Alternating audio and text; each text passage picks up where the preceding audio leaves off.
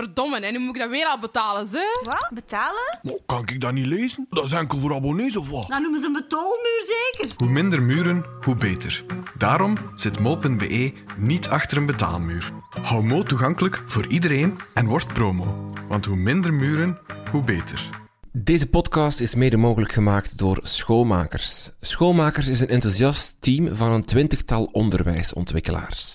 Ze begeleiden jouw schoolteam rond verschillende thema's. Leren en lesgeven, schoolontwikkeling, schoolleiderschap, verbindend schoolklimaat en digitalisering. Hun aanpak is steeds op maat. Ze houden een intakegesprek en op basis daarvan puzzelen ze een aanbod samen dat zo goed mogelijk inspeelt op de ondersteuningsvraag. Aarzel niet om schoonmakers te contacteren via www.schoonmakers.be.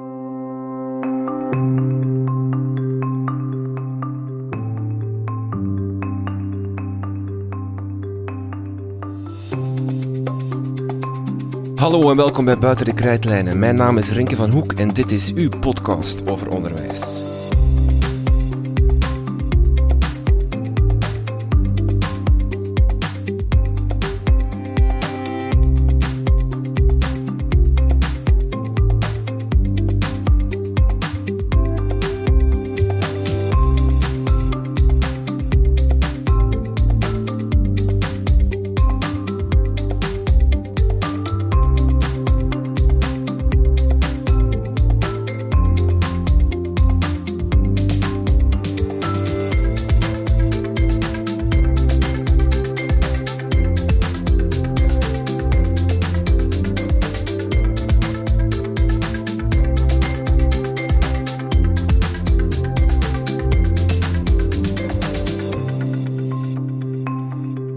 Hallo en welkom bij Buiten de Krijtlijnen. We sluiten het jaar af met ons vast concept dat door corona even moest wijken. Maar nu de cijfers in dalende lijn gaan en de vaccinaties stijgen, kunnen we terug rond de tafel gaan zitten. Zoals in een echte leraarskamer. In deze leraarskamer praten we met drie gasten over onderwijs. Vandaag aan de tafel zitten Louis Notte, leerling in het zesde middelbaar en ook voorzitter van de Vlaamse scholierenkoepel. Michael van den Brand, leraar economie in het vierde, vijfde en zesde middelbaar. En Saartje Baart, leerkracht Nederlands en geschiedenis. En de helft van uh, Studio Topless, uh, waar je misschien al eens gepasseerd bent op Instagram of op hun website voor leuke tips. Uh, dames en heren, welkom. Dank u wel. Goedemiddag. Dank u. um, het schooljaar zit er bijna op. Als deze podcast uitkomt, dan zijn de laatste drie dagen bezig. Um, wat voor gevoel hebben, zitten jullie? Met wat voor gevoel zitten jullie nu hier aan deze tafel? Een gevoel van yes, het is bijna gedaan? Of een gevoel van, oh, het is bijna gedaan? Dubbel, dubbel gevoel. Enerzijds, um, ja, het is bijna gedaan en we kijken uit naar de vakantie natuurlijk. Um, anderzijds is het laatste, de laatste dagen van het schooljaar is toch altijd een beetje een vreemd, een vreemd moment. Um, je hebt eerst zo die laatste lessen waar dat de leerlingen nog zeer veel stress hebben, heel veel vragen stellen, dat is zeer intens. Dan heb je de proefwerken verbeteren, is ook zeer intens. Ik denk dat mijn collega nu aan het knikken is, die herkent dat helemaal. Yes. Dan heb je de deliberaties, uh, idem dito, en dan is dat ineens brusk gedaan. En ik vind dat altijd een, dat geeft altijd een heel raar gevoel. Dus het is een beetje dubbel. We kijken daar naar uit, maar het is toch wat om te wennen ook altijd. Decompressie. Michael, ik heb dat gevoel vooral in de eerste dagen van de vakantie. Dan is dat effectief bij mij wel zo'n een, uh, ja, een zwart gat waar dat je invalt. Effectief. Hmm. Nu op dit moment is het vooral... Ja, mijn deliberaties zitten er al op. Dus bij mij is vakanties ah, Ja, mijn, uh, en, en, mijn oudercontacten en dergelijke moeten nog wel komen. Ja. Dus uh, op, op dat vlak is nog geen vakantie. Um, maar bij mij is het vooral ja, opgelucht dat het afgerond is, maar vooral heel moe en ja, eigenlijk een veel sterker gevoel dan vorig jaar zelf. Vorig jaar, die, die corona-lockdown was, was um, intensief, maar ik vond het nu dit schooljaar nog veel zwaarder en dat heeft meer impact gehad nu dit jaar op mij. Mm. Ja. Louis, jij als, als leerling? Ja, ik zit hier ook met een heel dubbel gevoel, omdat ik studeer ook af dit jaar. Ja. En enerzijds ben ik blij dat ik afstudeer. Eindelijk mag ik naar de universiteit, eindelijk mag ik verder gaan. Ben ik van dat middelbaar uh, af, zeg maar. Want na zes jaar is dat toch wel uh, een lange periode. ja. Maar toch, met zo corona heb, je zo het, heb ik het gevoel gehad dat ik zo mijn laatste jaar en ook een deel van mijn vijfde jaar zo niet volledig heb kunnen beleven hoe dat zou moeten met uh, een, een, echt een honderd dagen waar dat we uitgaan in de overpoort en zo. En dat is dan weer zo'n dubbel gevoel, want het is wel gedaan en ik heb niet het gevoel dat ik alles heb meegemaakt. Dus vandaar heb ik ook zo van enerzijds blij, maar anderzijds ook zo van iets minder blij. Hoe hard eh, steekt het dat, dat de voorbije twee jaar niet jouw laatste twee jaar in het middelbaar zijn geweest waar je wel op had gehoopt of waar je wel had gezien had van bij anderen hoe het zou moeten zijn? Inderdaad, de 100 dagen, misschien een eindreis, eh, uitstappen, eh, eh, gewoon al rustig met, al, met 24 of met heel de klas in de klas zitten. Dat Ja. niet geweest is. Voor mij persoonlijk vond ik dat heel jammer, want dat is echt zoiets waar ik al eigenlijk sinds mijn tweede middelbaar naar uitkeek. Zo die, die 100 dagen meemaken, uw proclamatie, uw bal en zo. En ik denk dat ik ook voor veel leerlingen mag spreken dat die uitstappen en die toffe activiteiten op school toch wel echt gemist zijn. Mhm. En dat dat toch wel eh, eh, voor veel leerlingen eh jammere zaak is. En dat die toch wel echt uitkijken dat die volgend jaar toch terug zouden kunnen doorgaan. Want dat is toch wel echt een belangrijke eh, meerwaarde aan het schoolgebeuren. En ook ja, voor de klasband, voor het welbevinden van leerlingen. Dus hopelijk kan het volgend jaar al allemaal iets normaler. En zeker die schooluitstappen toch terug doorgaan. Is er iets van proclamatie voorzien bij jullie? Ja, ehm, wij mogen zo per klas drie kwartier eh, naar school en dan is daarna aan de volgende klas en dan krijgen we ons diploma, mogen we iets eh, eten en drinken eh, aan, een, aan uw eigen tafel met uw bubbel. Ehm, maar dus ja, dat is toch wel iets anders dan een, een bal waar dat je met je hele jaar dan naartoe gaat en dat je dan iemand mocht meenemen en zo. Dus het is toch wel minder. Ik heb een vraag voor jullie. Wat moet je doen als je school een beslissing neemt waar jij het niet mee akkoord bent? Misschien eerst even de leerkrachtenkant. Saartje, Michael, wat, wat doen jullie als je school een beslissing neemt waar jij het niet mee, niet mee eens bent? Ik, Niets doen kan ook een antwoord zijn. Hè? Misschien ja, ik denk dat dat een beetje afhangt van welk soort beslissing dat, dat is. Als dat echt iets is dat ingaat tegen uw persoon of tegen uw echt denkbeeld van het onderwijs bijvoorbeeld, ja, dan ja, kun je uiteraard wel altijd in gesprek gaan met uw directie, maar als dat echt een definitieve beslissing is, zal dat wel moeilijk zijn. En dan denk ik dat het voor mij persoonlijk een grote, te grote drempel zou zijn. En dan, dan ja, denk ik dat ik die school vaarwel zou zeggen, denk ik. Allee, ik. Ik spreek daar nu precies heel gemakkelijk over, maar zo simpel zal het denk ik wel niet gaan. Maar ehm, als dat een, een, ja, een maatregel is dat wordt opgelegd dat niet helemaal in uw kraam past, ja, dan denk ik dat dat gewoon aanvaarden is en toch doen, omdat dat opgelegd wordt. Ja, ik kan dat eigenlijk wel heel hard volgen. Ik heb wel het gevoel dat wij een directie hebben waarbij dat de deur wel open staat en we kunnen wel binnenlopen en eventueel het probleem bespreken. Ehm, maar ja, er worden continu beslissingen genomen. Dus eh, natuurlijk kunnen wij niet in alles geconsulteerd worden. En zijn er zeker dingen waarvan ik denk... Oei, de leerling vraagt me hier, mevrouw, waarom staat dit in het schoolreglement? En dan denk ik, ja... nou, ik weet het eigenlijk zelf ook niet zo goed. Dat zijn vervelende momenten. Maar dat is zeker geen reden om de school achter, achter jou te laten. Maar effectief moest het iets zijn dat mij persoonlijk heel hard raakt en waar ik niet mee om kan, dan zou dat misschien een reden kunnen zijn om te zeggen van die school past misschien toch niet helemaal bij mij. Maar het gesprek aangaan is altijd stap één. En ik denk dat dat wel, dat dat wel ook, kan. ja. Ja. Louis, jij als, eh, als leerling, wat, wat zou jij doen? Ja, ik denk ook dat gesprek aangaan. Ehm, de meeste scholen hebben wel een leerlingenraad of gewoon met een groepje leerlingen naar die directie gaan of naar een leerkracht gaan en daar eerst een gesprek over gaan. Ook vragen waarom die regel er is, want dat is ook iets wat heel vaak niet gebeurt, dat een regel uitgelegd wordt waarom die er is. Maar dus dat er eigenlijk in gesprek getreden wordt met de leerlingen, maar ook met open houding. Dat het niet een gesloten houding is, dat je daar eigenlijk tegen een muur zit te praten, maar dat er daar echt ook wel eh, ja, respect is voor die leerlingen, dat die kritisch zijn tegenover een bepaalde regel of een bepaalde eh, beslissing. En dat daar dan ook wel echt naar wordt gekeken, wat kunnen we nu doen met wat de leerlingen zeggen, om dat eigenlijk op een manier aan te pakken, eh, om toch ervoor te zorgen dat de leerlingen er wel terug, toch mee akkoord zouden gaan of toch zich erin kunnen vinden. En meestal, wat we wel merken, is dat een grote stap toch al is dat die regel uitgelegd wordt, waarom dat die er is. En het is ook heel belangrijk om, als er beslissingen genomen worden, om het niet boven de hoofden van de leerlingen te doen, maar om eigenlijk ook gewoon de leerlingen erin te betrekken en samen tot afspraken te komen. Eh, dat is altijd beter dan dat er achteraf moet eh, eigenlijk gaan gelijmd worden. Een van de momenten waarop dat, dat zo was, was eh, bij de jonge Beatrice dit, dit schooljaar. Zij kwam in opstand of, of luidden de, de alarmbellen eh, over de kledingvoorschriften die haar school had uitgeschreven. Zij vond dat die eh, discriminerend waren naar meisjes toe. Het waren vooral, eh, zij vond dat het vooral kledingvoorschriften naar, naar, naar meisjes toe waren en dat zij vooral hun, hun kledij moesten aanpassen en jongens niet.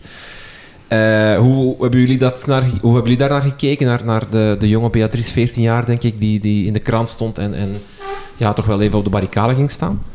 heel, heel positief toch eigenlijk. Want wij zijn altijd fan van een leerling die zelf initiatief neemt, zelf kritisch nadenkt. En dat is toch wel iets dat wij zeker kunnen ondersteunen. Dat zij zelf actie heeft ondernomen om iets waar ze zich niet in kan vinden. En waar achteraf ook bleek dat heel veel jongeren zich er niet in konden vinden. Dat zij toch wel zelf initiatief nam om dat aan te pakken. En dat is iets wat wij als VSK eigenlijk enkel ondersteunen. Dat leerlingen eigenlijk zelf initiatief pakken en zelf proberen kritisch te zijn. En eigenlijk ja, bijvoorbeeld een regel te veranderen waar ze niet mee akkoord zijn. Mhm. Het feit dat de pers daar zo uh, opgesprongen is en dat het ook uit de bed in de pers gekomen is, is dat iets, iets positiefs, vind je, dat daar aandacht voor is? Of, of is het ergens jammer dat een intern probleem binnen een school dan opeens zo groot gemaakt wordt? Ik denk, ik heb het zelf gemerkt dat de pers er toch heel hard is opgesprongen. Uh, dat was een hele week lang continu daarover vragen. Um, maar ik denk dat dat ook wel iets goed was, want het toonde wel dat het niet enkel op Beatrice haar school was, maar op heel veel scholen. Mm. Overal kwamen er acties, zelf op mijn school is er ook een actie geweest. Overal kwamen eigenlijk leerlingen, uh, kwamen er acties van leerlingen tegen die kledingregels. En het werd toch duidelijk dat het gewoon een probleem is dat gewoon overal is dat eigenlijk het schoolreglement op vlak van kledij toch wel verouderd is en soms zelfs nog discriminerend, iets wat echt niet meer uh, van deze tijd is. -hmm. Een stem die we daarin niet gehoord hebben, uh, we hebben de, de, leerlingen dan heel vaak gehoord in de pers, directeur die daar dan op reageerde, een minister die daarop reageerde. De leerkrachten kwamen daar niet in aan bod. We hebben ze hier nu aan tafel, dus we kunnen dat direct even oplossen. Ja. Uh, hoe hebben jullie daar naar gekeken? Ik volg eigenlijk heel hard wat dat jij zegt, uh, Louis.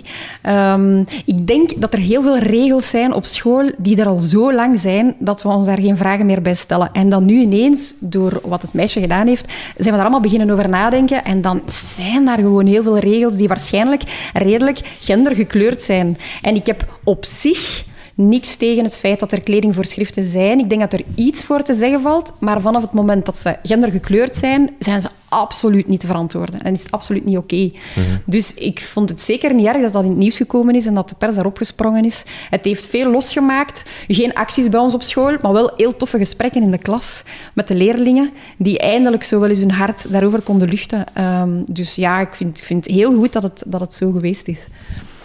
Uh, wel, ik ga eigenlijk net hetzelfde zeggen, want ik vind, vind, ik vind het inderdaad wel belangrijk. Allee, wij, proberen toch altijd onze leerlingen ja, op te leiden als kritische burgers. Dus waarom zouden we ze dan tegenhouden op school om inderdaad kritisch hun mening te gaan geven? Dus ik vind wel allee, heel chapeau dat ze dat doen. En bij ons op school hebben we ook wel enkele leerlingen zijn komen opdagen um, met enkele slogans, buik op arm en zo. Um, er is bij ons eigenlijk niet speciaal ja, veel fuzz over geweest, denk ik dan. Um, het is wel zo dat wij nu um, naar volgend jaar naartoe, naar ons schoolreglement effectief willen gaan kijken en ook dingen gaan aanpassen. En zelf ook, ja, excuseer, kleding, kledingvoorschriften voor, uh, voor leerkrachten een keer onder de loep gaan nemen. Want ook daar zijn wel dingen die duidelijk moeten gemaakt worden. Want het zijn meestal bij leerkrachten nog ongeschreven regels. En ook daar vind ik dat we wel eens ja, duidelijkheid over mogen brengen. -hmm. Dus uh, dat vind ik wel goed dat dat op tafel ligt. Het is ook inderdaad wel een discussie die eigenlijk elk jaar, die we elk jaar zien terugkeren. Elk jaar met de periode dat er uh, mei, april, wanneer de eerste dat zonnestralen, de eerste zonnestralen, die discussie komt dan altijd terug. Maar dit keer was natuurlijk een week voordat die discussie plaatsvond, was dan het tragische gebeurtenis in Gent uh, van een meisje dat dan eigenlijk een groepsverkrachting had meegemaakt en daardoor dan zelfmoord had gepleegd. Ja. En daardoor kwam dan ook nog een keer ook die gendergelijkheid daar ook mm -hmm. nog eens in. En dat dan eigenlijk, ja, um, veel strengere regels en dat ook meisjes veel rapper werden aangesproken. Soms een beetje victim-blaming-achtig. Um, maar het is toch duidelijk wel echt een thema. En jongeren, het is toen duidelijk dat jongeren echt wel geen, niet zo'n fan zijn van kledingregels en echt wel hun eigen identiteit willen vinden. En ze zoeken dat ook op school. En door eigenlijk bepaalde regels te gaan opleggen, ga je jongeren gaan beperken in het zoeken naar hun eigen identiteit. Want wat je draagt is eigenlijk hoe dat jij bent, hoe dat jij jezelf ziet. Mm. En door dat maar te gaan verbieden, ontneem je die kans om jezelf te ontdekken. Ja, want ik wil er even de reactie van Bart Scholle, de directeur van, van Beatrice, van het meisje, uh, bijhalen. Die zegt, kledij is een belangrijk onderdeel van jongeren, maar dat moet wel binnen bepaalde regels kunnen. We kunnen, willen ook vermijden dat je al snel in een strandkledijsysteem terechtkomt. We vinden een school geen omgeving waar je in bikini en zwembroek naartoe komt. Dat is een gevolg als je die volledige vrijheid gaat doortrekken. Nu, mijn vraag is... Uh, dat was ook, ook, een beetje de reactie van onze minister. Hè. Die sprak ook over het strandbar gegeven. Nu, mijn vraag is... Waarom kan een leerling niet in strandkledij naar school komen? Ik kijk nu naar iedereen, hoor. Want Ik- dat antwoord, dat kan ik niet geven. Zelf niet. En dat is puur persoonlijk. Maar Ehm, ik heb daar ook met heel veel partijen over gesproken. En in de eerste plaats met de leerlingen. En ik was heel erg geschrokken dat mijn leerlingen zelf aangaven... Mevrouw, strandkledij, daarin hoeven wij hier niet te verschijnen. Dat hoeft niet. We vinden nog altijd dat het belangrijk is, als we naar school gaan, dat we opgekleed is een heel groot woord, maar dat het wel deftig is waarmee we naar school komen. Ik was echt geschrokken, want ik had inderdaad ook gedacht, ik ga hier de wind van voor krijgen met mijn topic. En ze gaan zeggen van, ja, we mogen toch alles aandoen. Maar dat was echt niet waar. Ehm, wat collega's vaak zeggen, en dat kan ik wel volgen, is dat je als je later gaat werken, dan doe je dat ook niet op teenslippers. Hè, dan ben je toch eigenlijk ook wel een klein beetje opgekleed en we willen onze leerlingen voorbereiden op later.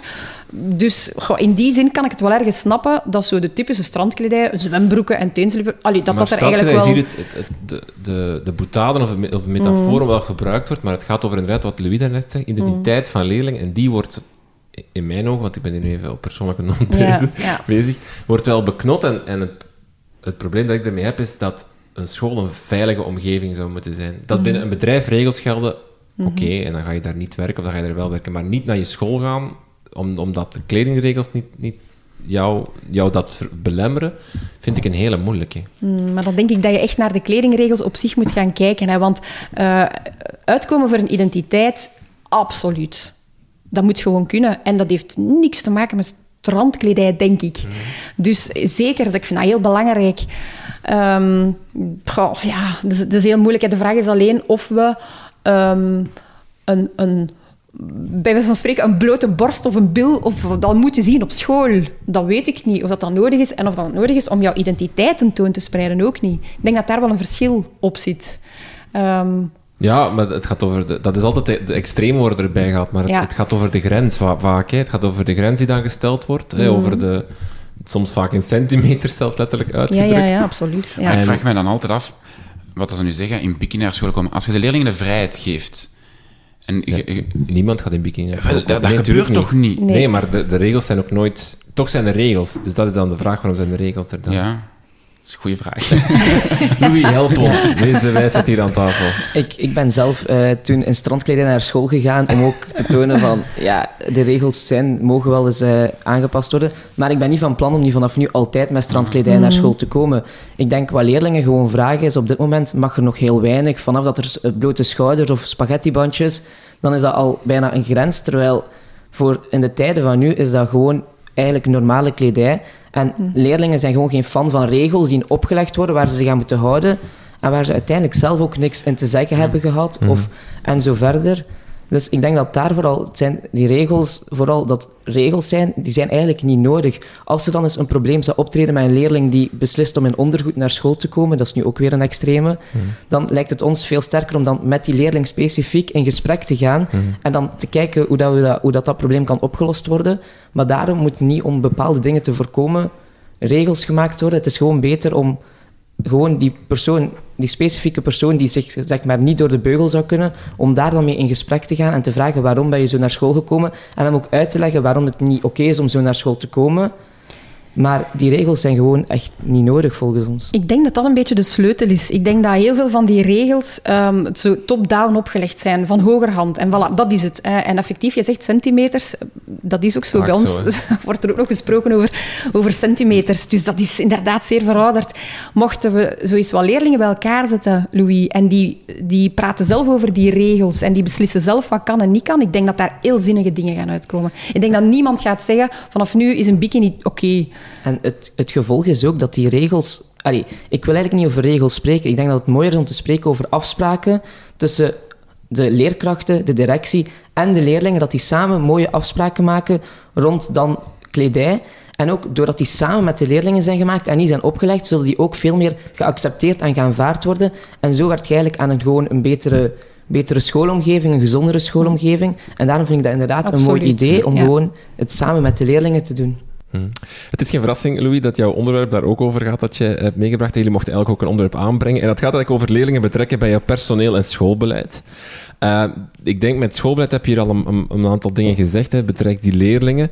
Um, hoe zie je dat eigenlijk op, op een soort van structurele basis? Hè? Want we hebben het nu over één, één uh, ding. Hè. Je hebt een probleem met de kledingvoorschrift. Oké, je zoekt wat leerlingen bij elkaar en je gaat in gesprek. Maar stel dat je als school zegt, wij willen op structurele basis leerlingen betrekken laten participeren in ons beleid. Uh, hoe doe je dat op, op een goede manier? Is dat een, een leerlingenraad? Op dit moment is dat eigenlijk verplicht. Er is een participatiedecreet dat wel al twintig jaar oud is, dus wij zouden dat graag eens vernieuwd zien, nog, nog sterker gemaakt worden.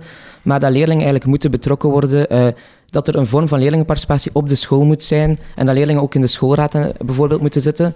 Maar nog te vaak horen we dat daar eigenlijk boven de hoofden van de leerlingen worden gesproken, want als een leerling is dat wel nogal ja, dat, dat, is nogal eng soms om daar tussen al die volwassenen en leerkrachten te zitten die zogezegd meer levenservaring hebben.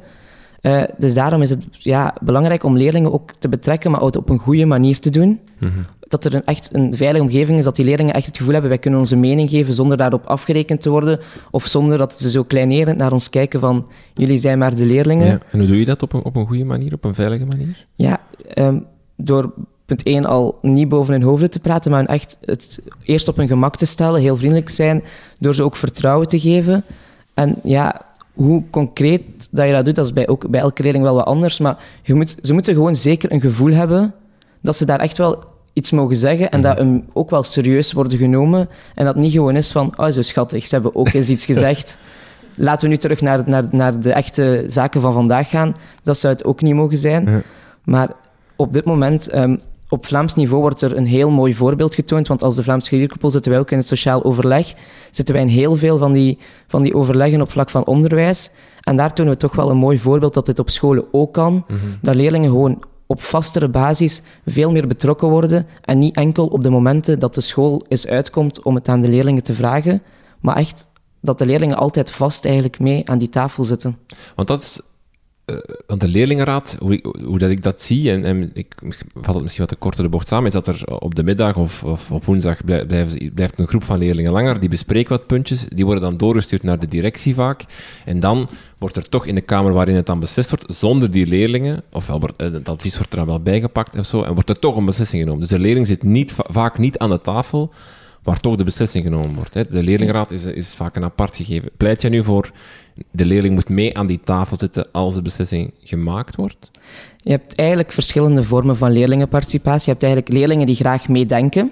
Je hebt leerlingen die graag meedoen en je hebt dan ook de leerlingen die graag mee beslissen.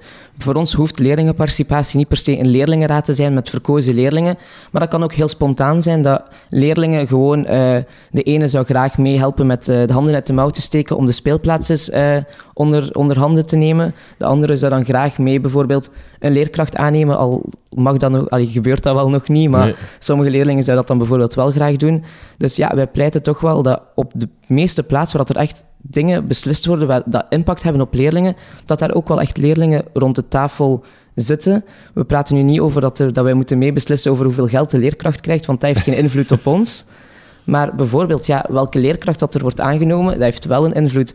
Uh, wat het schoolreglement, dat heeft wel een invloed op ons. Dus zulke dingen, dat er eigenlijk inderdaad vast um, leerlingen aan tafel zitten, net zoals daar leerkrachten en andere uh, mensen van de school aan tafel moeten zitten. En dat zou eigenlijk het geval moeten zijn. En nu is het inderdaad nog te vaak. We vragen eens, als het ons uitkomt, advies. Maar soms gebeurt dat zelf niet eens. Hmm. En spreek je over leerlingen van alle leeftijden? Ik geef les op een middenschool. Mijn leerlingen zijn 12, 13, 14 jaar. Moeten zij ook mee beslissen over wie we aannemen en, en, en wat we gaan doen rond beleid? Ik denk vroeg begonnen, half gewonnen. um, ja, oké. Okay. Ja, um, maar ja, de, ze moeten daar natuurlijk wel ook goed in begeleid ja. worden. Het is niet dat ze... We spreken, ze hebben heel veel ervaring. Ze zijn eigenlijk de ervaringsdeskundigen op vlak van hoe een leerkracht overkomt, mm. hoe dat, wat goed lesgeven is, hoe dat, dat bij hun binnenkomt. Maar natuurlijk, ze hebben wel nog op andere vlakken iets minder ervaring. En dat zou een supermooie leerschool zijn om die daar eigenlijk bij te zetten. Maar die moeten op een goede manier natuurlijk ook wel nog begeleid worden. Mm -hmm. Die moeten niet zomaar... We zetten nu een paar leerlingen die dat nog nooit hebben gedaan uh, in een vergadering. Nee, het zou wel handig zijn moesten die daar op een goede manier mee begeleid worden. En dat is ook iets wat wij als VSK doen. We gaan eigenlijk zeg maar, leerlingenraden soms gaan helpen in hoe dat die gesprekken te voeren en eh, Mhm. hoe dat ze dat eigenlijk het beste aanpakken. Even over dat personeelsbeleid, hè, want eh, ehm, jullie pleiten er dus ook voor dat leerlingen betrokken worden bij het aanwerven van leerkrachten. Mee het sollicitatiegesprek doen. Zo, zo concreet is het niet per se, maar dat zou bijvoorbeeld wel echt een, een optie zijn. Dat, dat er inderdaad naast leerkracht die weet over het vak en over het lesgeven, naast de directie, of, ehm, dat daar dan ook een, leer, een leerling zit die kan dan zeggen van ja, hoe dat die leerkracht overkomt bij hun, wat de feeling met leerlingen zou zijn. Want een leerkracht is er wel nog steeds om inderdaad iets over te brengen aan de leerlingen. En als de leerlingen daar dan geen feeling mee hebben, ja, Ja, ja. dat is altijd... Dus, maar wat ook bijvoorbeeld kan, is dan dat een leerling bijvoorbeeld wel, als er een nieuwe leerkracht is, daar feedback op zou Ja. mogen geven en toch op een manier daar iets van inspraak op heeft, om op een manier daar toch wel iets over te zeggen. Eigenlijk zou elke leerkracht eh, feedback aan zijn leerlingen Ja. mogen vragen. Daar zijn we heel grote fan van, daar hebben we ook een feedbacktool voor. Ja, klopt. Maar toch zeker bij beginnende leerkrachten, dat zou een mooi iets zijn dat leerlingen toch op een vlak inspraak hebben. Ja. Daarin is dat in het sollicitatiegesprek, dat is o- goed, is dat via feedback achteraf even goed, maar Mhm. zolang dat ze toch iets van inspraak daarin hebben. Ik kijk naar de leerkracht hier aan Ja, tafel. ja, het is eigenlijk de eerste keer dat ik dat hoor vallen van leerlingen kunnen misschien aanwezig zijn bij een sollicitatiegesprek. Eh, ik heb daar eigenlijk ook nog niet echt over nagedacht. Wat vind ik daar nu van? Zou dat nu goed zijn of niet goed zijn? Dat laat ik eventjes in het midden. Maar waar ik, ehm, wat ik wel vind, is dat er ehm, veel meer leerkrachten, want ik denk dat dat niet zo heel vaak gebeurt, zouden moeten openstaan voor feedback achteraf, eh, na een schooljaar bijvoorbeeld, van de leerlingen zelf. Ehm, en jullie feedback tool trouwens, eh, wij hebben die nu eh, op Studio Toples geplaatst deze week, omdat het zo interessant is om aan de leerlingen te vragen welke tips zij hebben um, die jou als leerkracht gewoon beter kunnen maken. Er is niemand die jou zo goed kent op vlak van leerkracht zijn dan die leerlingen zelf. Die hebben een heel jaar um, in de klas gezeten. Dus ik denk dat we daar meer en meer moeten voor openstaan. En ja, dat is een beetje angstaanjagend. En je weet nooit wat er gaat komen. Ik doe dat al verschillende jaren. Nu, dit jaar is het uh, door omstandigheden niet gelukt, maar ik doe dat heel vaak. En dat is heel fijn om te lezen. Dat is altijd maar een klein hartje, dat ik daar naartoe ga, naar die evaluatie. Mm -hmm. Maar ik heb daar al heel veel uitgehaald. Ik denk dat daar de kracht echt wel in zit van leerlingen. Um, en dat zij als geen ander weten hoe een leerkracht het gewoon dag in dag uit doet. Ja, het is ook interessant van het twee keer of drie keer per jaar te doen, mm, die evaluatie. Mm. Want dan zit je misschien zelf... Ja, ik kan me inbeelden als je dat eind oktober vraagt aan je leerlingen, dat je nog niet kennen, dat op dat moment zoiets hebben van... Ja, oké, okay, het zit nog niet helemaal juist, of de band zit nog niet helemaal juist. En tegen de maand mei hebben ze al een veel vollediger beeld van u om dat dan te doen lijkt mij wel iets interessanter. Dan kun je gewoon, gewoon zelf ook de vergelijking maken. Ik denk maar, dat dan wel belangrijk is dat het anoniem gebeurt. Of dan Ja, bijvoorbeeld maar- die tool waar voilà, dat jullie over ja. spreken. Eh, want ik denk dat een leerkracht of een leerling in oktober misschien nog bang is om iets te zeggen in die Ja. richting. Hè. ja, ik heb daar meestal geen last van Nee, bij ah, ja. leerlingen. Dat is dat, maar het, het, het werkt wel iets minder remmend als het Ja. inderdaad anoniem Ja, is. Klopt, Het, ja. heeft, het heeft ook bijvoorbeeld een meerwaarde om het bijvoorbeeld met vlak voor kerst of vlak na kerst eh, vakantie te doen. Omdat dan ook, die leerlingen hebben dan ook effectief nog, er nog iets aan dat ze feedback Mhm. geven. Ja. Want natuurlijk, als er enkel op het einde van het jaar feedback wordt gegeven, is dat dan voor een andere klas, terwijl die andere klas misschien er helemaal anders eh, voor zou kunnen staan. Dus het is inderdaad echt een meerwaarde dat er op een regelmatige tijdstippen of dat er af en toe toch eens aan de leerlingen wordt gevraagd wat zij nu vinden van deze manier van lesgeven. Want Mhm. van iedereen die dat heeft gedaan, dat ik weet, hoor ik altijd van positieve dingen. Van, er zijn dingen naar boven gekomen dat ik echt niet wist, dat, dat, dat ik het op een andere manier beter kon doen. En er komen ook vaak positieve dingen van complimenten naar leerkrachten kunnen daar dan ook gegeven worden. Ja, maar ik vind het wel interessant om te, om te horen dat, dat je een beetje verwacht ook dat, dat leerlingen hun leerkracht kunnen beoordelen. Dat is één ding. Nu, ik zit zelf in de aanvangsbegeleiding bij ons op school voor nieuwe leerkrachten. En ja, wij geven zelf feedback aan de nieuwe leerkrachten. Wij gaan op, bezoek, op klasbezoek en dergelijke. Ehm, maar het is dan mis- misschien wel eens interessant om, om als aanvangsbegeleider zelf eens te vragen aan die, aan die leerlingen hoe dat zij tegenover die nieuwe leerkracht staan. Of dat zij zelf ook nog tips hebben, bijvoorbeeld, wat dat ze kunnen gebruiken. Want ik kan me wel inbeelden, een nieuwe leerkracht, ja, die hebben het zodanig druk met, met ja, lessen voorbereiden, allee, die, die, die, die basis leggen eigenlijk van het leerkracht zijn, dat dat misschien niet het eerste is waaraan dat zij gaan denken. Maar als we dat dan kunnen zelf ondersteunen vanuit onze positie, kan dat misschien wel een, een, een meerwaarde. Ik ga dat meepakken naar volgend jaar. Zouden jullie het ook oké vinden, moesten leerlingen een, een, een zeg hebben in of een leerkracht mag blijven of niet? Hè? Dat de directeur bijvoorbeeld ook aan, aan de klas of aan de leerlingen vraagt van, ja, wat vonden jullie ervan? En dat wordt meegenomen in het, de eindbeslissing of dat een nieuwe leerkracht, een startende leerkracht mag volgend jaar blijven of niet? Goh, ik hoop dat dat eigenlijk wel zo'n beetje min of meer gebeurt. Ik bedoel daarmee, als het nu echt een, een, een leerkracht is waar dat het niet matcht, niet met één klas, maar over gans de lijn, ja, dan is dat toch iets dat in principe aan de oren van de directie zou moeten komen. Via, via. Ja, klastitularis, andere leerkrachten of zoiets. Maar dan Maar op structurele basis, bijvoorbeeld, dat- want het tool Ja, waar jullie over spreken, zet je in als leerkracht eh, zelf. Het is vrijblijvend. Of hij die feedback nu ten harte neemt of niet, niemand die het op zich eh, weet. Hè, of hij je daarna allemaal in de vuilbak smijt en er niets mee doet omdat je niet akkoord bent, oké. Maar stel dat die tool nu wordt ingezet eh, door de directeur en die gaat die, die resultaten echt gebruiken om een de evaluatie van een leerkracht te maken. Zou je daar... ik zou daar wel voor op. Ik geloof daar wel in. Ja. Als dat een goede tool is en, en die leerlingen worden daar wel een beetje in gesteund en het is niet gewoon van oh, wat vinden jullie van die leerkracht, Luc raak. Nee, daar geloof ik niet. Het moet wel wat begeleid worden, maar dan absoluut. En het is ook wel wat jij zegt, hè, niet één klas en niet één leerling. Ja. Het moet wel een beetje een gewogen beslissing zijn. Ja. Zijn er al ehm, verhalen of, of dingen dat je weet dat dat zo wordt ingezet, eh, jullie feedback tool, op die manier? Verder dan gewoon een leerkracht die het zelf gaat inzetten, maar dat het echt gebruikt wordt structureel om, om, om leerkrachten te evalueren vanuit het beleid? Echt structureel, daar heb ik geen zicht op. Dat kan zeker, of dat kan misschien een school zijn die zijn eigen tool daarvoor heeft gemaakt. Maar wij merken vooral dat het inderdaad gewoon de leerkracht is eh, die via die manier feedback vraagt aan zijn klas. Heel vrijblijvend. We hopen natuurlijk dat er achteraf iets mee gedaan wordt, omdat voor een leerling, als daar ook achteraf iets mee gedaan wordt, had dat echt een meerwaarde dat hij dat heeft ingevuld, dan gaat hij dat de volgende keer nog deftiger en nog beter en nog meer serieuzer invullen. Eh, omdat ze echt het gevoel hebben van, dit, dit heeft iets van verandering. En dat is iets wat wij Iets anders dat wij ook wel echt nog merken, is dat heel veel leerkrachten echt wel openstaan voor feedback, maar dat ze verwachten dat leerlingen dat soms heel spontaan gaan aanbrengen. En dat is soms een drempel die een beetje te hoog ligt voor leerlingen. En vandaar is die feedback tool echt wel zeer interessant, omdat dat op een goede, op een anonieme, op een goede manier echt eens aan de leerlingen vragen is. En dan gaat de leer, komen daar echt nuttige dingen uit. Maar verwachten dat een leerling spontaan naar een leerkracht gaat om hem feedback te geven, is soms wel echt nog eh, een stap te veel. Dat is een grote drempel, denk ik. Ja, inderdaad, ja. hè. Micha, jij wou het hebben over de rol van de klas-titularis. Ehm, dat is iets wat in het onderwijs ingebakken zit, of toch in het secundair onderwijs. Hè. Een van jouw vele leerkrachten in, eh, als leerling is een van, van of soms twee, is, eh, is jouw klasleerkracht, jouw klastitularis. Ehm, is dat een goed systeem? Goh, dat eh, vind ik sowieso een goed systeem. Ik ben, ik ben, ik ben heel graag klastitularis. Ehm ik denk wel dat een leerling ehm, een soort van ja, contactpersoon nodig heeft, of een eerste persoon heeft, eh, een eerste lijnsgesprek aan voeren direct. Ehm, natuurlijk wordt dat wel opgelegd door de directie wie de klastitularis is, dus de leerling zelf kiest daar niet voor eh, wie dat de klastitularis is of wie dat zijn aanspreekpunt is. Ehm, maar ja, ik vind het wel belangrijk dat er één persoon is dat die klas effectief kan begeleiden en dat het daar ook voor kan opnemen op bepaalde momenten. Ehm, als de, de leerling zelf zegt, ik heb, ik heb nood aan een gesprek, maar niet met mijn klastitularis, want die een band die is er niet.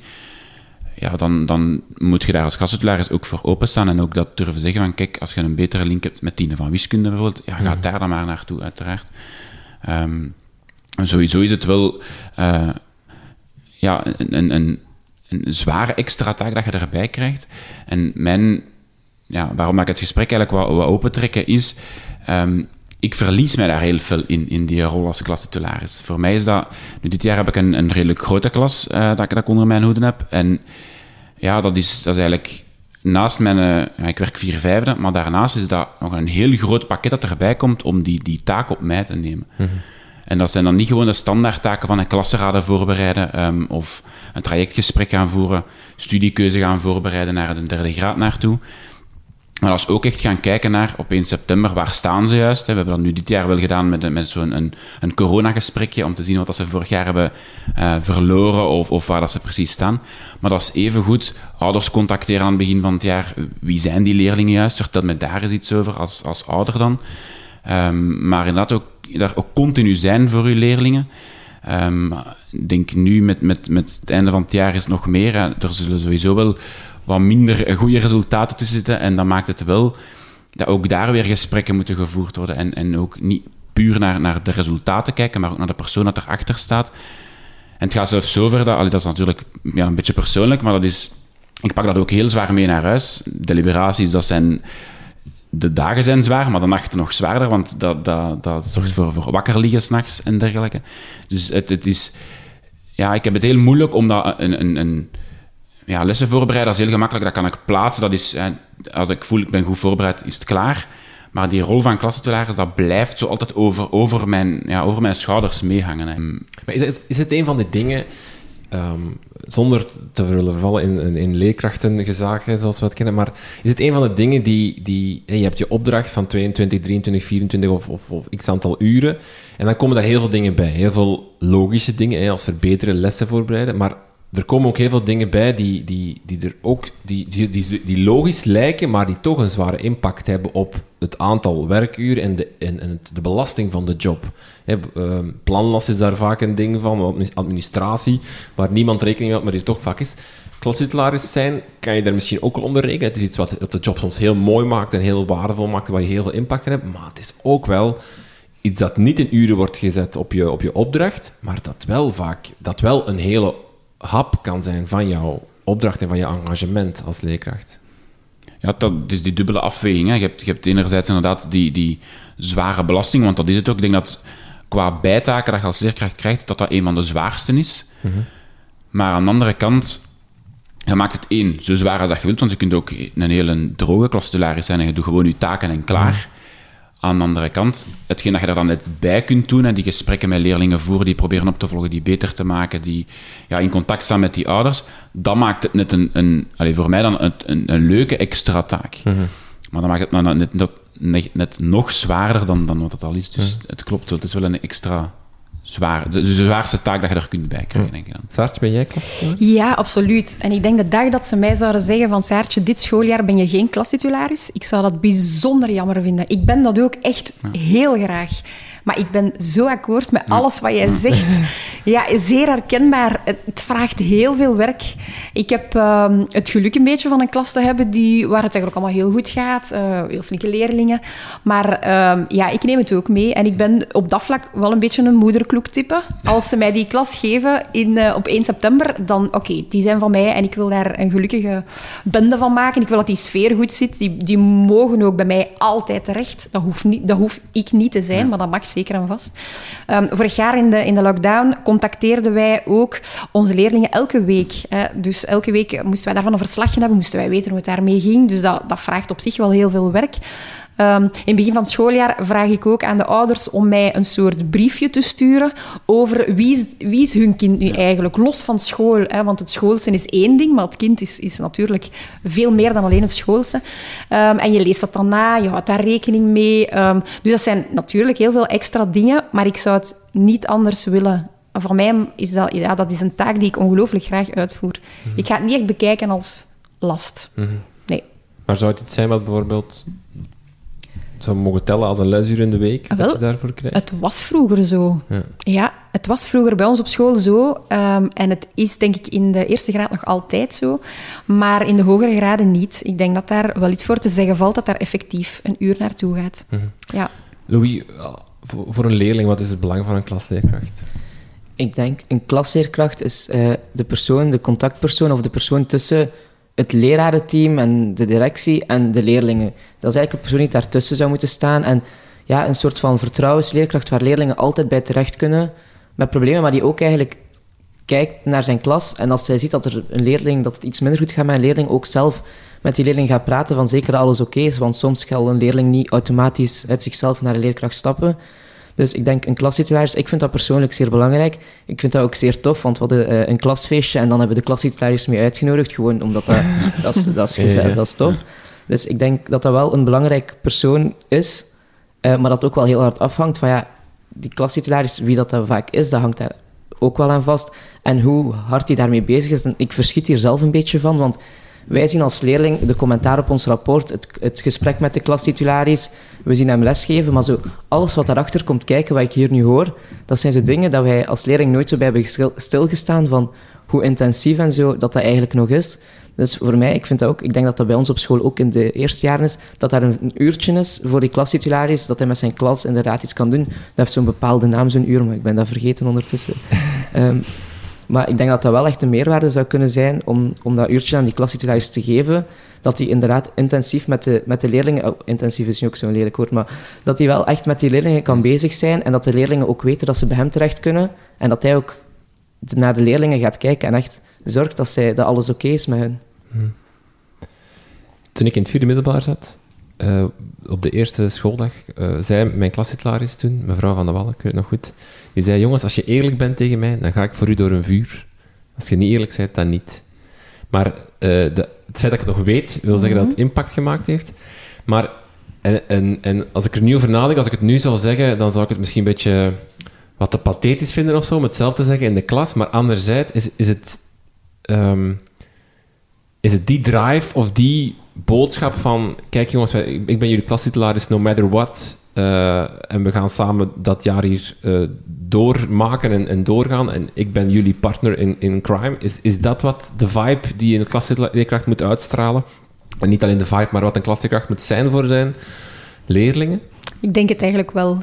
En daarom, bij ons op school is het niet echt de gewoonte dat wij zelf mogen kiezen of we dat willen zijn of niet, klastitularis. En bij jullie blijkbaar wel. Ehm, ik denk dat het daarom niet slecht is dat je dat zelf kan kiezen. En dat je zelf kan zeggen, nee, het is eigenlijk niks voor mij. Excuseer. Ehm, omdat het die vibe is, denk ik, die je moet uitstralen. Ja. Want ja, Michael, je zegt, je ligt ervan wakker, je neemt mee naar huis. Ik kan me voorstellen dat dat ook niet handig is. Of ook niet, niet super bevorderlijk is voor, voor, voor het mentale welzijn en de mentale Nee. rust op bepaalde momenten. Nee, en het- is goed dat je het zegt op bepaalde momenten, want tijdens het schooljaar zelf... Nu, ik heb wel dit jaar het... allee, ik vind zelf een geluk een pittige klas gehad. Dat betekent, die, ehm, ja, ze kenden elkaar van vorig jaar. Ik kwam daar nieuw eigenlijk bij als klassentularis. Ehm, en ja, ik moest eigenlijk in het begin van het jaar, dat was een beetje een vreemd bericht naar de ouders ook, maar ik moest eigenlijk vragen om de klassfeer een beetje te temperen. Want de klassfeer was zo goed, zingen zo goed aan elkaar, dat het ja, niet bevorderlijk was om daar les te gaan geven. Het was eigenlijk te plezant in de les en het was moeilijk om ze onder controle te houden. Nu, dat maakt wel dat je van in het begin van het jaar ja, eigenlijk de, de, daarmee aan het spelen bent met die leerlingen om, om, die, om die, ja, die, die en die, die klassfeer een beetje onder controle te krijgen. Maar ja, op bepaalde momenten gaat dat vlot en je gaat daar met een heel goed gevoel naar huis en dan lig je daar uiteraard niet wakker van s'nachts. Maar het zijn zo die momenten die, ja, die moeilijkere momenten, dikwijls als er slechte resultaten komen, want je ziet dat een heel toffe klas, dat is een, dat, die hangen heel goed samen. Je wilt die samen naar dat vijfde jaar loodsen, of naar het volgende jaar loodsen. Maar je weet, ja, dat gaat waarschijnlijk niet lukken op deze manier. En het zijn die momenten dat het eigenlijk ja, mentaal heel zwaar maakt. En dat is wel zo. Maar het weegt nog altijd niet op tegen wat je ervoor terugkrijgt. Dus het, het mentale is inderdaad zwaar, maar ja, als ze mij volgend jaar zouden vragen om voor deze klas opnieuw klassentularis te zijn, ik teken direct, sowieso. Ze gaan dat... Ze, ze vinden dat vreemd als ik... Ik weet niet of ze luisteren, Maar een onderwijspodcast luisteren ze ik niet je dat dat leerlingen in vrije tijd? Maar als ik hen dat zeg... Onbegrijpelijk. Ehm, als ik hen dan zeg in de klas van kijk, volgend jaar, ik hoop dat ik jullie eigenlijk terug heb. Ja, ze verstaan dat niet, want ze zeggen, ah, we zijn toch de moeilijke klas. Maar ja, toch is dat...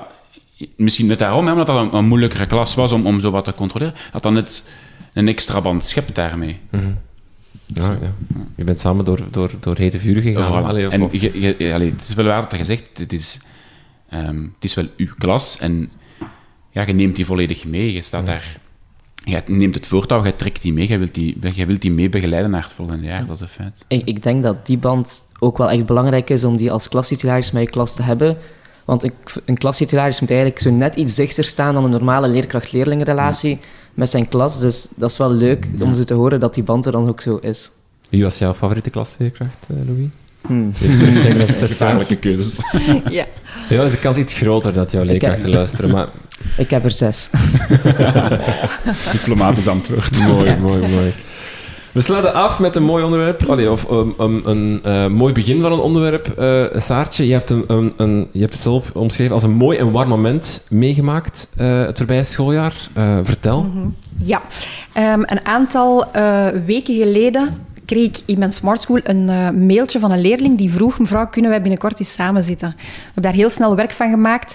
En hij vertelde mij, ehm, mevrouw, ik loop al jaren met een masker rond. Ik kan mezelf niet zijn en ik wil daarvan af. Het is misschien anders dan eh, bij andere kinderen, mevrouw, maar ik word verliefd op jongens. En ik zou... Welke leeftijd spreken? Eh, derde middelbaar, 14, 15 jaar. ja. En ik zou heel graag hebben dat ik dat aan de klas kan vertellen. En ik zou het heel fijn vinden mocht jij dat samen met mij willen doen, dat aan de klas vertellen. En dat is eigenlijk de tweede keer op drie jaar tijd dat die vraag gesteld wordt, om dat samen met de leerling in kwestie te doen. Ehm, en we hebben dat gedaan. Ehm, ik heb daar een hele les voor uitgetrokken. Ehm, we zijn in een kring gaan zitten, alle banken aan de kant. En ik heb dat net eh, zo gedaan zoals ik dat eh, de keer daarvoor heb gedaan. Dat was eigenlijk heel mooi. En zonder te, de spotlight direct op die jongen te zetten, ik dacht dat zou heel oncomfortabel zijn, zijn we eigenlijk zo eens de kring rondgegaan. En moesten ze allemaal op zoek gaan naar iets waarvan ze zeggen: Goh, eh, ik ga dit nu met de klas delen. En dat is waarschijnlijk anders dan bij de andere leerlingen. Eh, en dat, well, we hebben daar de meest vreemde verhalen gehoord. Eh, de ene zijn been is langer dan, dan het andere been. Eh, of ik, ik draag heel vaak twee verschillende paar kousen zonder dat iemand het ziet. Allee, daar kwamen eigenlijk heel leuke verhalen in naar boven. En toen kwamen we bij die jongen uit. En die jongen die zei, oh ja, ehm, ik heb ook iets waarin ik waarschijnlijk eh, anders ben dan de andere jongens in deze klas. Maar ik word verliefd op jongens. En het was eruit. En je zag dat daar zoveel van die schouders viel. En die klas heeft daar magnifiek op gereageerd. Die hadden bijna zoiets... Oké, ja, en nu de volgende. Wat was iets heel gewoon. Eh, dus dat was zo mooi. Zij maakten daar eigenlijk heel weinig van. En als ik dan deze week naar het nieuws keek en ik zag dat daar ene Orban in Hongarije een... ehm, een wet heeft laten stemmen, een anti-homo-wet, dan echt, ik, ik was eigenlijk eh, verschrikkelijk geraakt daardoor. Omdat die wet eigenlijk zegt dat tot de leeftijd van 18 jaar mag er op openbare plaatsen, en we gaan het nu over het school hebben, mag er niet gesproken worden over homoseksualiteit en over transgender zijn. Eh, dat mag misschien wel in de thuissituatie, maar zeker niet op school. Na 18 jaar doen ze wat ze willen. En dan denk ik, ik heb op, op relatief korte tijd twee zo'n mooie momenten meegemaakt, waar die leerling nadien ook mij gekomen is en gezegd heeft, mevrouw, er is echt 100 kilo van mijn schouders gevallen, het masker is eindelijk weg, het is de wereld in, ik voel me zo gelukkig nu.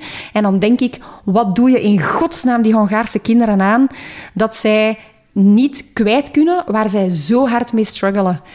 Ik vind dat verschrikkelijk. Dus ehm, als jij mij vroeg, Rinke, welk onderwerp wil je bespreken? Ja, daar heb ik geen seconde moeten over nadenken. Ik vind het... Ja, ik kan er eigenlijk niet bij dat zoiets ehm, gestemd wordt en dat tegen mensen in het onderwijs gezegd wordt over die topics mogen jullie niet praten. Dat is verboden. In mijn ogen moet je over alles kunnen praten. Het moet gekaderd worden, maar het moet mogelijk zijn om over alles te praten. Was je, was je voorbereid over als er slecht gereageerd zou worden door, door leerlingen? Ehm, Of wat zou je dan... Heb je een idee wat je dan gedaan zou Ja, het hebben? gesprek opentrekken. Ja, nee, daar, daar is heel weinig aan voorbereid. En je weet nooit hoe zo'n klas gaat reageren. Ehm, maar je zei daar straks van, je geeft Nederlands en geschiedenis. Het is Nederlands en godsdienst. Oei, sorry, nee, ja, nee, dat is geen probleem. Ja, ja, dat is geen probleem. Maar ik wil zeggen, ja, je, het gesprek voeren met een klas en zien wat er uit de groep komt, ja, dat doe ik wel vaker. dus ik, nee, ik heb me daar gewoon volledig ingeworpen. En Ja. de jongens in kwestie ook. En we gingen wel zien wat er kwam. Ik had nu wel in beide klassen relatief veel vertrouwen. Ik weet dat dat niet in alle klassen zo zou zijn. Maar oké, dan gaan we het gesprek gewoon aan. En dan zou dat ook zo geweest zijn. Mhm. Ehm, maar dat is natuurlijk een beetje tricky. Ja. Ja. Ja, heel mooi, heel mooi. Ik ga even advocaat van de duivel spelen. Heb je, heb je getwijfeld over het feit van, heeft dit een plaats in, in mijn les? Je geeft natuurlijk ook godsdienst, dus daar, daar heeft misschien zeker een plaats. Maar stel nu dat, dat eh, of, of Michael, stel jij die vraag zou krijgen, je geeft economie. Ehm, in, in principe, allee, voor mij, zeker en vast heeft het een plaats binnen onderwijs, maar je kan wel de grens, of de, de, de vraag stellen, waar ligt de grens tussen wat moet ik als, als leerkracht doen voor mijn leerling, hoe ver moet ik gaan in, in, in dit soort dingen, in, in, in, in hun privésfeer binnen te brengen en, en te laten vertellen en doen. Heb je daarover getwijfeld, of was het voor jou zeer duidelijk van, oké, dit, is, het, dit is, het gaan we doen, dit, dit... Ja, het was zelfs een klas waar ik geen godsdienst aan geef. Dus het was de les Nederlands. En ik heb geen seconde getwijfeld om daar een volledig lesuur voor uit te trekken. Ik vond het wel heel belangrijk en dat heb ik aan hem ook gevraagd. In het eerste geval was dat duidelijker, want de ouders hebben mij toen ook benaderd van zou je dat willen doen? Eh, dat bespreekbaar maken. Maar bij hem eh, wilde ik wel weten van staan mama en papa er ook achter? Is dat besproken geweest? Ik zou niet graag hebben dat de ouders dan zeggen van wat is Ja. daar allemaal gebeurd? Dus dat heb ik eerst wel eens doorgenomen, doorgesproken met hem. En dan, nee, absoluut. Ik heb mij eigenlijk die ehm, vraag nooit gesteld. Ik vond dat een evidentie. Hm. Michael, zou jij het... eh, Ik denk dat op dat moment zijt je ook geen leerkracht. Allee, ik bedoel, dat, als- zeker als je de vraag expliciet krijgt van de leerling, is dat lijkt mij een evidentie dat je dat doet. Eender welk vak dat je geeft, dat maakt niet uit. Als die persoon daarmee, of die leerling daarmee tot, tot bij u komt, u ook het vertrouwen geeft van dat te willen doen, ze samen over te brengen, dan... Ik, denk ook niet dat ik ene seconde zou twijfelen. Oké. Sch- school is er niet enkel om, om les te geven. School is er om jongeren te vormen tot burgers in onze samenleving. En dat hoort daarbij. Dat is, dat is daar een deel van. En ik vind het heel goed. Ik kreeg er echt rillingen van. Dat is een heel mooi verhaal. Vooral ook omdat vanuit de leerling zelf komt, dat de leerling daarachter stond. Dat in een veilige omgeving is gebeurd, met toestemming van de ouders. Zo zou het zeker vaker moeten gebeuren. Maar wat ook wel heel belangrijk is daarin, dat de leerkracht er ook wel comfortabel bij moet voelen. Want ik kan mij wel inbeelden dat dit niet bij elke leerkracht zou kunnen. Dus daar moeten we dan wel voorzichtig zijn als leerkracht, dat je daar zelf het gevoel hebt van, ik ga dit kunnen, ik voel me daar comfortabel bij. En dan is dat schitterend om dat te doen, want Mooi. school draait meer dan alleen om het lesgeven. Wi- wist je snel de manier waarop je... Want de eerste keer dat, hoe, hoe je het ging doen, want nu heb, heb je gekozen voor, voor, voor een, een kringmoment en iedereen, inderdaad wel een mooie aanzet eigenlijk, dat je iedereen het gaat vertellen waardoor hij een beetje anders is dan wat we nor- anders, of, of, iedereen is. Ja, Ehm. ik ehm, wist eigenlijk heel snel dat ik het zo zou aanpakken. Ik wist heel snel dat ik absoluut niet, wat ik daarnet zei, eh, de spotlight direct op hem wou zetten. Van kijk, hij heeft iets te zeggen. Oh nee, hoe eenzaam voel jij je op zo'n moment? En ik wou zo hard dat iedereen op dat moment zou ervaren. Wij hebben eigenlijk allemaal iets waar we soms wel mee zitten, wat we niet zo hard durven vertellen, of waarin we misschien een beetje anders zijn. Dus ik wou dat eigenlijk benadrukken, zodanig dat het voor hem super veilig was om dat te vertellen. Dus ik was er eigenlijk wel heel snel uit van het is op die manier dat ik het wil doen. Waren, waren de, de jongens ook allebei tevreden aan over de manier waarop het... Oh ja, ja, zo mooi. Ja, ja, ja. Ik ben, eh, ja, eh, ze zijn dan na de les, of, of nadien zeker alle twee nog bij mij geweest. Ehm, in het ene geval ook de mama en de papa. En het is, het is magnifiek om te zien. Als ik nu die ene jongen zie, hij zit ondertussen in het vijfde of in het zesde, en ik zie hem eh, flaneren over de speelplaats. Je ziet dat gewoon. Die kan zich tonen zoals hij is. En ik zie dat nu bij die jongen van dit jaar ook. Het feit dat hij zegt, mevrouw, mijn masker is weg. Ah, die zin alleen al. Ja, dat is natuurlijk waarvoor je het doet. Hè. Je wil dat ze effectief, Louise, zoals jij zegt, de school. En ik pleit daar zo allee, al heel lang voor. Een school is zoveel meer dan alleen maar lesgeven. Eh, Je leerlingen bekijken als kinderen. En, en, en die hebben hun achtergrond en die hebben hun eigen voorkeuren. En die hebben zoveel meer dan alleen maar het feit of ze goed zijn in spelling of niet. In mijn geval dan. Ehm, als, we dat, als we dat negeren, dan gaan we nergens geraken. Dan gaan we ze niks kunnen bijleren. Dat vind ik echt zo'n mooie uitspraak, want achter elke leerling zit er ook nog een persoon buitenschool eh in zijn eigen leefomgeving. En daar moet er ook echt zicht voor zijn. Het is niet enkel de leerling, maar er is, die heeft zo'n grote achtergrond. Heeft, het is ook nog altijd een persoon. Vind je dat dat naar de achtergrond wordt geduwd door de vele aandacht die er nu is voor, voor de, de leervertraging en de leerachterstand of de dalende resultaten op, op gebied van, van PISA-resultaten en kwaliteit en zo? Dat daar, er wordt nu wel meer rond gedaan, rond het feit van, eh, eh, is, er, is ons onderwijs kwalitatief genoeg? Vind je dat dat daardoor een beetje naar de achtergrond wordt geduwd? Het feit dat er nu dat er te weinig, of dat er ook aandacht moet zijn voor welbevinden van leerlingen? Ja, ik vind het gewoon zeer spijtig dat er sommige dingen zo... Dat er dan gezegd wordt van... Ah nee, sorry, ik heb hier geen tijd voor, ik moet door met mijn les. We hebben al zoveel onderwijstijd verloren. Maar dat is ook heel, daar leert je ook zoveel uit. Dat is ook echt heel belangrijk. En dat zijn dingen die eh, moeten blijven gebeuren. Ook dit jaar zijn de klasuitstappen weggevallen, waardoor dat er eigenlijk al meer onderwijstijd was. Dus ik vind het heel jammer dat er altijd over leerachterstand wordt gesproken, maar er is ook leefachterstand en er moet ook tijd worden blijvend vrijgemaakt om ook het welbevinden van die leerlingen inderdaad omhoog te houden. En ik denk wat, wat er daar is gebeurd in, eh, in dit verhaal, in dit geval, is een grotere, ja, is een grotere leerschool dan een, een, een les Nederlands. Ik denk Ja. in die 50 minuten, ik denk dat het 50 minuten zijn, denk ik dat die leerlingen veel meer geleerd hebben dan dat ze anders zouden leren. Nu, niet dat Nederlands niet... Allee, het is nog altijd... allee, het is nog altijd, het is nog altijd belangrijk. maar Ja, tuurlijk. als een, je leert daar ook zoveel uit. En ook die klasuitstappen, daar leert je ook zoveel uit. Het is goed voor het welbevinden. En ja, je leert over de wereld ook. En die dingen zouden moeten blijven plaatsvinden. En het argument van, hier heb ik geen tijd voor, ik moet verder met mijn les, vind ik soms, ja... Dat, er, er is meer dan dat. Is, Het is niet enkel het lesgeven dat Ja. belangrijk is. In bepaalde momenten dat doelstellingen mogen geschrapt worden, bij manier van spreken. En dat, dat, dat aan de kant kunnen gezet worden voor zo'n levensles. Ik denk dat dat voor die jongen in de, eerste plaats heel belangrijk was. Maar voor die klas, één, hoe dat ze erop gereageerd hebben, is, is fantastisch. En voor hen ook, om, om dan, of voor hem om te tonen hoe dat daarmee kan omgegaan worden. Ja, dat is... daar zijn eigenlijk geen woorden voor. Dat is echt, echt, Maar- chic van die leerlingen. Wel om zo een lichte nuance te leggen, het is wel nog altijd heel belangrijk dat het inderdaad... Het hangt ook heel hard af van de klassfeer en van de situatie. Ja. Het is wel nog altijd belangrijk dat er echt wel een veilige omgeving wordt gecreëerd. Dat die leerling zich op zijn gemak voelt, dat hij niet geviseerd wordt, dat daar achteraf niet naar buiten mee gelachen wordt.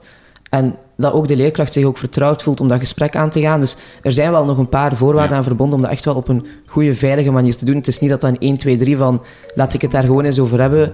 Daar moet wel echt over nagedacht zijn. Dus dat is wel belangrijk. Maar als dat dan gebeurt, heeft dat zoveel meerwaarde dat er zoiets Dat, dat, dat daar zo, zo ehm, een mooi gesprek over kan gevoerd worden. Dus echt tof dat je dat gedaan hebt. Ja, super, dank u. Goed, dit was het voor deze aflevering van Buiten de Krijtlijnen. Ik eh, bedank graag mijn gasten, Louis Notte, Saartje Baart en Michael van den Brand. We gaan er even tussenuit met deze podcast. Eind augustus, begin september, dan zijn we er terug voor het vierde seizoen van Buiten de Krijtlijnen. Heel veel dank voor het luisteren het voorbije jaar. Geniet van de vakantie, heeft het meer dan verdiend. Tot de volgende.